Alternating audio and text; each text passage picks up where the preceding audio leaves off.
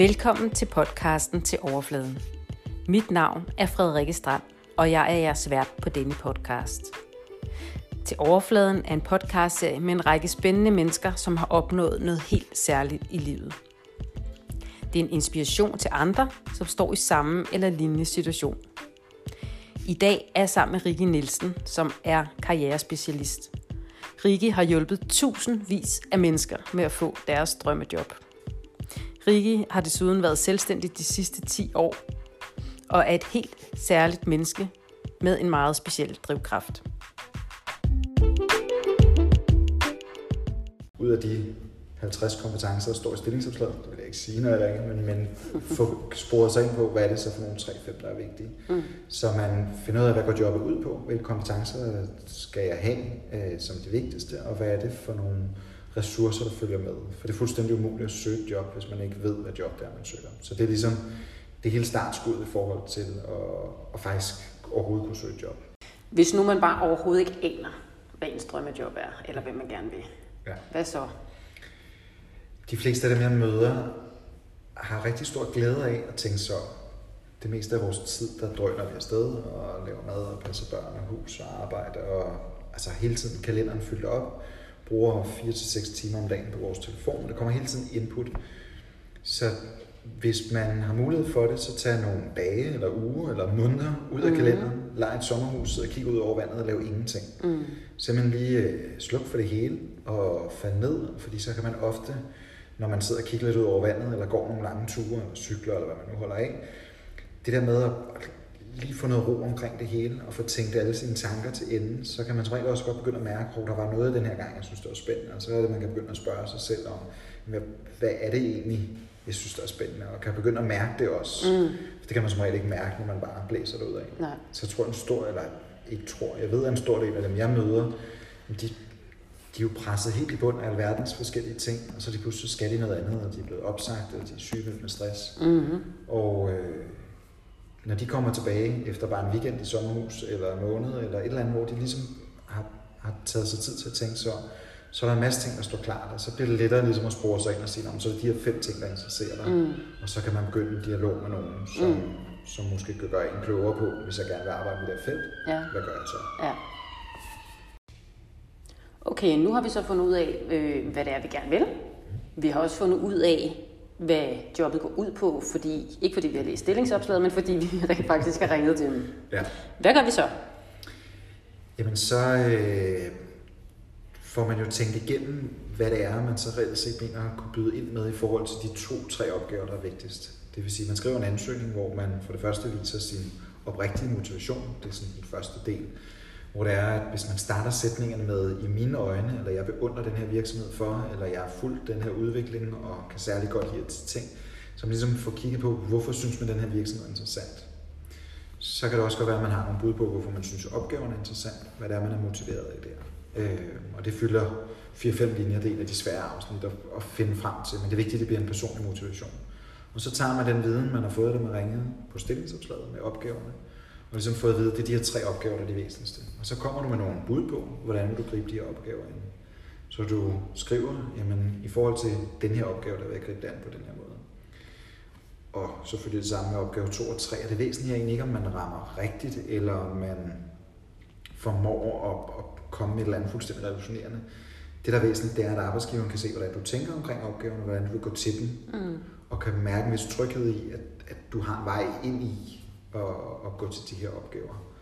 Og øh, når man så har beskrevet den del, altså hvordan vil jeg ligesom gribe de her ting an, så øh, slutter man af med en god grund til at kalde ind til samtale. Mm-hmm. Så man ikke skriver, øh, som, som vi har grinet af, fordi jeg ved, vi snakker om i dag, det der med, at jeg håber, jeg har vagt din interesse. Altså, det er sådan, nogle, sådan en fuldstændig latterlig formulering, det vil man aldrig nogensinde sige. Nej. Øh, så man skal få ansøgningen ned på et niveau, hvor man ikke følger de der gængse ting. Ja. Og så i stedet for at skrive, til en samtale vil jeg tage tre idéer med til, hvordan vi håndterer det her. Ja. Så selvfølgelig er det noget af det, man starter på i ansøgningen, når beskrevet de væsentligste opgaver. Mm. Men så kan man godt sige, at jeg har en liste med, mm. med tre arrangementer, jeg har lavet tidligere med stor mm. succes, eller mm. tre pressemeddelelser, jeg har skrevet mm. fantastiske, eller tre IT-systemer, som jeg har været med til at etablere. Ja. Et eller andet, som, som viser noget, som uddyber ens historie, eller som uddyber, hvad man gerne vil gøre. Mm. Så er der en grund til at snakke med dig. Så får man skabt noget interesse, fordi man viser først motivation, mm. viser, hvordan man skriver opgaven an, og ligesom siger, hvad man er med til samtalen. Ja. Så er der noget at snakke om. Øh, hvor hvis man bare siger, jeg håber, du vagt min interesse, så, så er det bare sådan en tør, tør afslutning, så der er, ikke, der, er ikke, der er intet i den. Nej, altså, nej.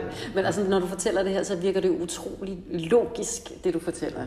Ja. Øhm, altså, er, der, er, er det opskriften, simpelthen? Ja, der, der var øh, 100 ledere, der sad til det arrangement, jeg holdt i foråret, og han stillede mig det spørgsmål, som jeg har hørt en del gange før, jeg kan lige så tydeligt har skam der, fordi han sådan hen mod slutningen siger, så nu kommer din hemmelige sovs. Nu har vi siddet her, vi har hørt alle de her ting, så siger der er ikke nogen hemmelige sovs. Nej. Det er noget med at koge tingene ind og finde ja. ud af, hvad skal jeg løse? Og hvis du finder ud af, hvad du skal løse, så kan du sige, hvordan du gør det. Ja. Så jeg har ikke nogen hemmelige sovs, jeg har ikke nogen magiske kræfter. Nej. Det er bare sådan helt banalt og konkret at gå ja. til opgaven. Ja. Øh, og det er det, der virker, ja. fordi det taler ja. et meget simpelt og enkelt sprog, som dem, der sidder og læser din ansøgning mm. papir generelt, kan forstå. Så, så der er ikke noget hokus pokus, der skal ikke være noget blær, der skal ikke være noget, Nej. bare gå konkret til mm. opgaven. Mm. Øh, en af mine bedste eksempler er, hvis, hvis min cykel blev stjålet, og bad om at gå ud og købe en ny cykel til mig. Så vil du gå ud, og så vil du tænke, der, hvordan er, har han børn, øh, hvor langt cykler han, du kan lige være i skoven, der er alle mm. mulige forskellige ting, der gør, at du kunne vælge alle mulige forskellige cykler. Ja. Men hvis du stiller mig tre spørgsmål, så vil du vide fem måske. Jeg skal bruge en citybike. Mm. Jeg er 1,75 høj. Jeg kan mm. godt lide at farve den. Den koster 5-6.000 kroner. Mm. Øh, og så vil du gå ud og vælge en cykel, du bliver glad for. Mm. Ved bare at få nogle få informationer. Hvis du på samme måde ved, det er de her 3-5 ting, der er mm. vigtige i jobbet, mm. så vil du også kunne gå ud og svare på, hvordan du vil gribe dem an. Ja.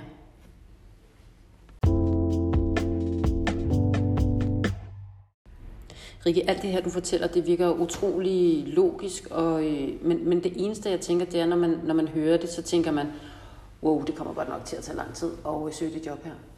Ja, det gør det også. Det første. Ja.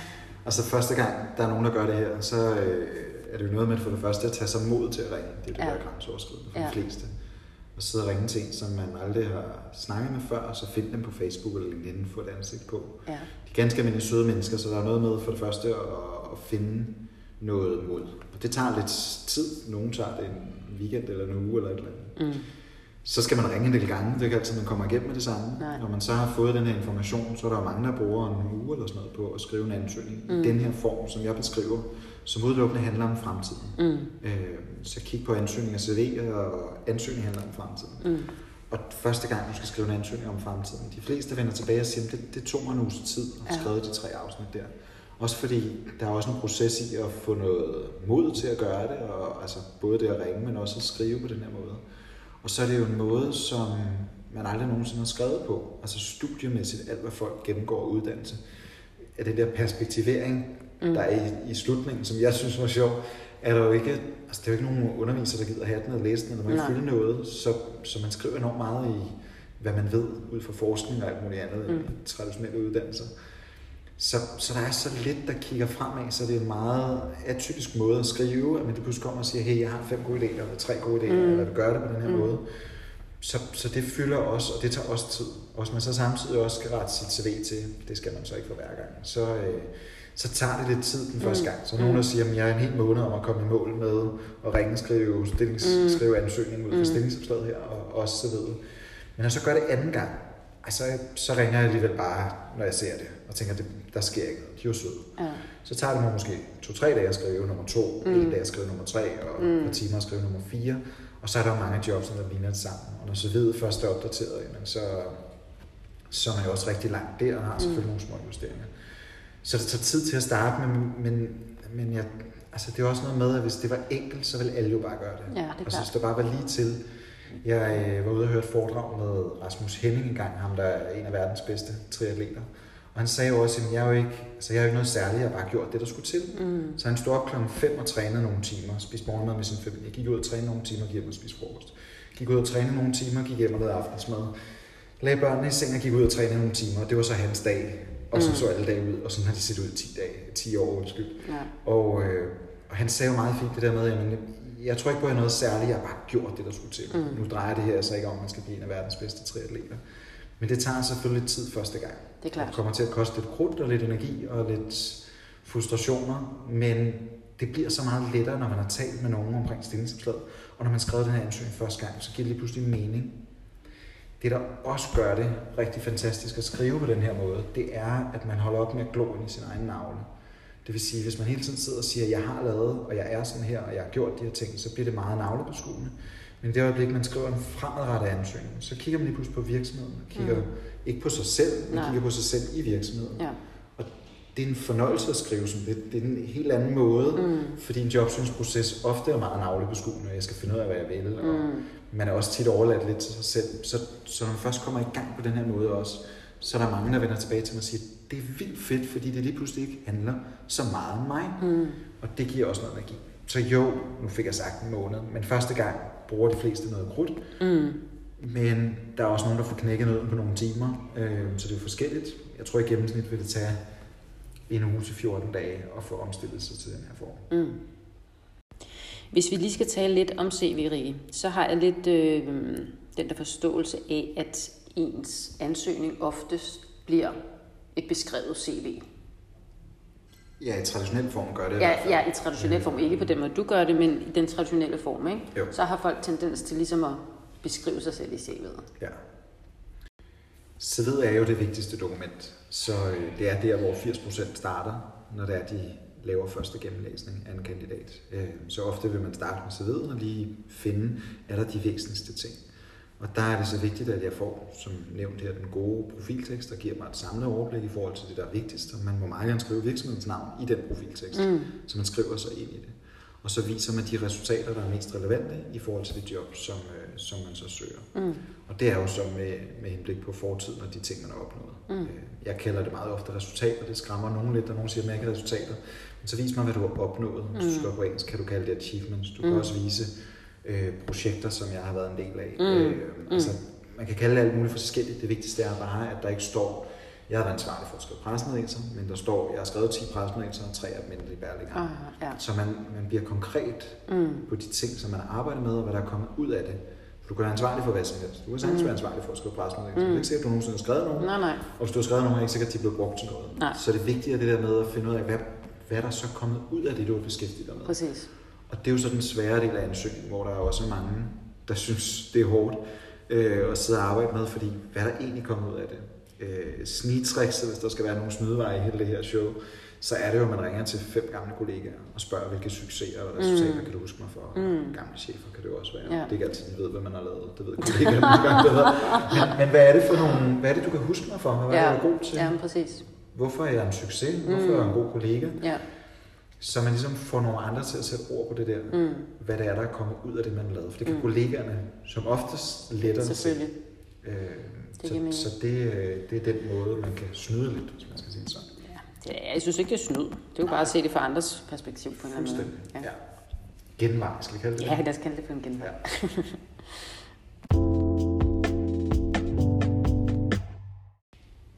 Når nu vi taler om CV, hvor vigtigt er det så at lave en personlig profil og fortælle lidt om, hvem er jeg, som ja, i den personlige del, kan man ja. sige. Det er enormt væsentligt. Der er mange, der undlader det. Der er mange, der synes, det ikke måske hører hjemme, og at det sådan stikker lidt ved siden af. Det er heller ikke det, der skal stå øverst. Det skal helst stå til sidst mm. i CV'et.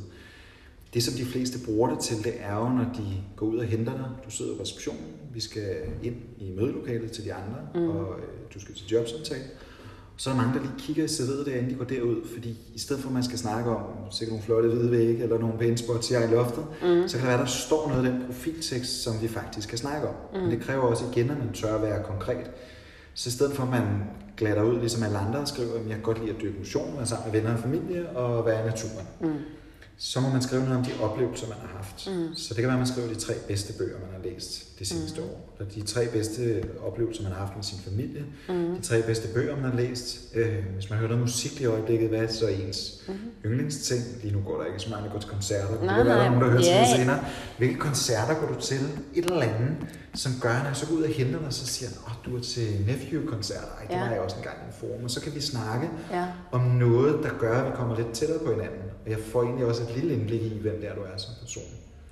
Og det gør bare noget helt fantastisk, fordi at man jo også skal tænke, at en gider at sidde og spise frokost nede i kantinen. Mm, mm. Når vi nu er på den her arbejdsplads 40, 50, 60 timer om ugen mm. sammen, øh, så skal det også gerne være et eller andet, vi kan snakke om. Og det er jo ikke, fordi vi skal være enige. Nej. Og det er jo ikke, fordi man skal sådan... Men der, der skal være et eller andet, jeg kan bide fast i. Det giver så meget mening, ja. Øh, et fedt eksempel var en, øh, jeg mødte i øh, Aarhus, som øh, han lavede sådan nogle middage øh, en, en søndag om måneden. Jeg kan ikke huske, hvilket land han kom fra, det er også ligegyldigt. Han lavede så sådan en, nogle traditionelle retter, mm. og så havde han en slags restaurant derhjemme i hans lille lejlighed, der var dækket op til, ja. til rigtig mange mennesker. Jeg blev inviteret, men så kom ja. der sådan noget corona-ting. Ja. Øh, men så inviterede han simpelthen øh, folk, han mødte i alle mulige sammenhænge, og mm. bad dem om at tage venner med. Mm. Og så havde han, jeg kan huske, det var 25 eller 30 pladser i sin lille restaurant derhjemme, så gav man 50 kroner. Fedt. Og så fik man en eller anden lokal ret fra det land, han nu kom ja. fra, og så var man sammen med nogle mennesker, man aldrig havde mødt før, i sådan ja. lidt hyggelig sammenhæng. Ja. Og det siger jo sindssygt meget om ham, og, og, og hans tilgang, og hans interesse i andre mennesker, og hans mm. ønsker om at dele ud af sin egen kultur på en Præcis. måde, hvor den bliver spiselig, hvis yeah. man skal, man kommer fra et eller andet. Altså, at, at man virkelig sådan, det var bare mega, det var bare virkelig godt, og det, grunden til det også er virkelig godt er, at det fik han sindssygt god respons på, mm. i forhold til hans CV. Det mm. nævnte alle de arbejdsgiver, han kom til samtale, han viste mig det, da vi stod og snakkede om, at han skulle i gang med at søge job. Og han fik simpelthen så god respons, for jeg synes simpelthen, det var det vildeste initiativ. Jamen, det er da også mega fedt. Og alle ville ja. med. Ja, ja, selvfølgelig. Så kunne man snakke om det ja. for receptionen over til mødelokalet. Mm. Så vi lige pludselig allerede gode venner og har inviteret os selv ja, til så der er ikke den der pinlige tavshed, og hvad skal vi lige snakke om, ikke? Ja, Ej, altså, nej. ja sådan, ja. Nå, hvordan kom du til? Bussen ja, toget? Eller, altså, øh... kunne du finde en parkeringsplads? Altså, de ja. der, det er så rart at snakke om et eller andet andet. Og det bruger man den til. Så bruger man den til at se, om man gider at spise frokost med folk i kantinen. Ja. Og så bruger man den til at se, om der er mere menneske mm. bagved ja. en blot maskine, som kan en eller anden arbejdsopgave. Fedt. Øh, Rikke, til sidst kunne jeg godt tænke mig at høre, hvad, øh, hvad, hvad tænker du, hvor er det bedst at søge job? Er det på, skal man ind på de her jobportaler? Er det gennem netværk eller hvad? For jeg synes efterhånden, man hører rigtig mange delte meninger omkring tingene. Hvad er din erfaring?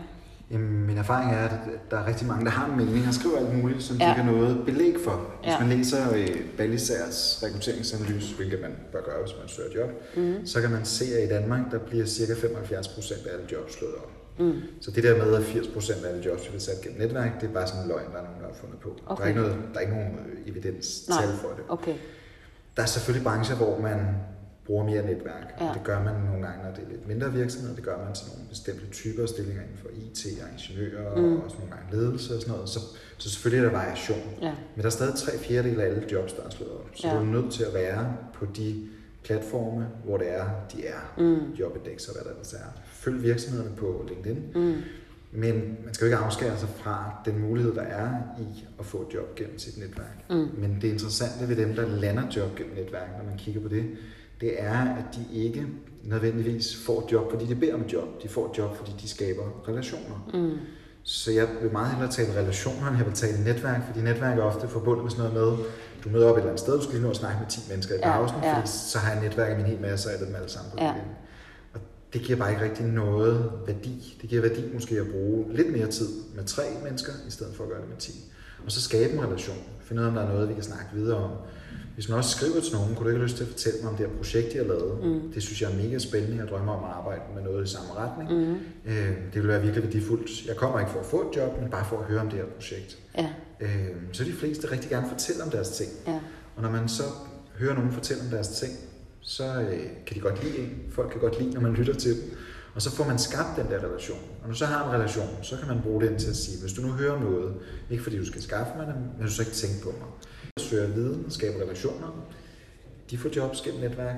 Dem, der prøver at søge job gennem netværk, de får det ikke. Det, det er rigtig, rigtig godt fif, det her, ikke? Jo. Ja. Så lad være med at ringe til alle, du kender og sige, har du et job til mig? Så siger folk bare, nej, det har jeg ikke. Nej. Men det dukker der jo op, når man lige pludselig hører, ja, gud, kan du det? Ja, ja, og ved du også noget om det? Og ja. det kunne da egentlig godt være. Og, og så er verden bare, altså jeg, jeg har simpelthen mødt for mange, som siger, jeg var bare heldig, men det var du ikke. For du gik ud og skabte en masse relationer. Og så var der en, der brækkede benet mm. og var syg mm. ude i seks uger, fordi de ikke kunne løse den her opgave. Mm. Eller en, der skulle på barsel. Eller en, der ikke gad at være der mere. Eller, altså, så dukker de der ting i den her omskiftelige skønne verden bare hele tiden op. Mm. Men så er relationerne skabt, og man har plantet, er det så klichéagtigt, man har plantet frø, men man har skabt den der relation. Man har været der, de har set en, de har set, hvad man kan, mm. eller hørt det. Mm. Og så kommer de der muligheder mm, bare. Mm. Øh, og så er man siger, jeg var bare heldig. Nej, det var du ikke. For du gik systematisk ud og talte med 10 mennesker, som vidste noget om dit område, din branche. Du spurgte, du var mm. nysgerrig, du skabte mm. relationen. Og så var der en af dem, der lige pludselig havde et job. Mm. Men det er ikke heldigt. Det er arbejde målrettet på at skabe relationer. Mm. Sådan. Hvis man gerne vil lære mere af dig, Ja. Hvor finder man dig så hen?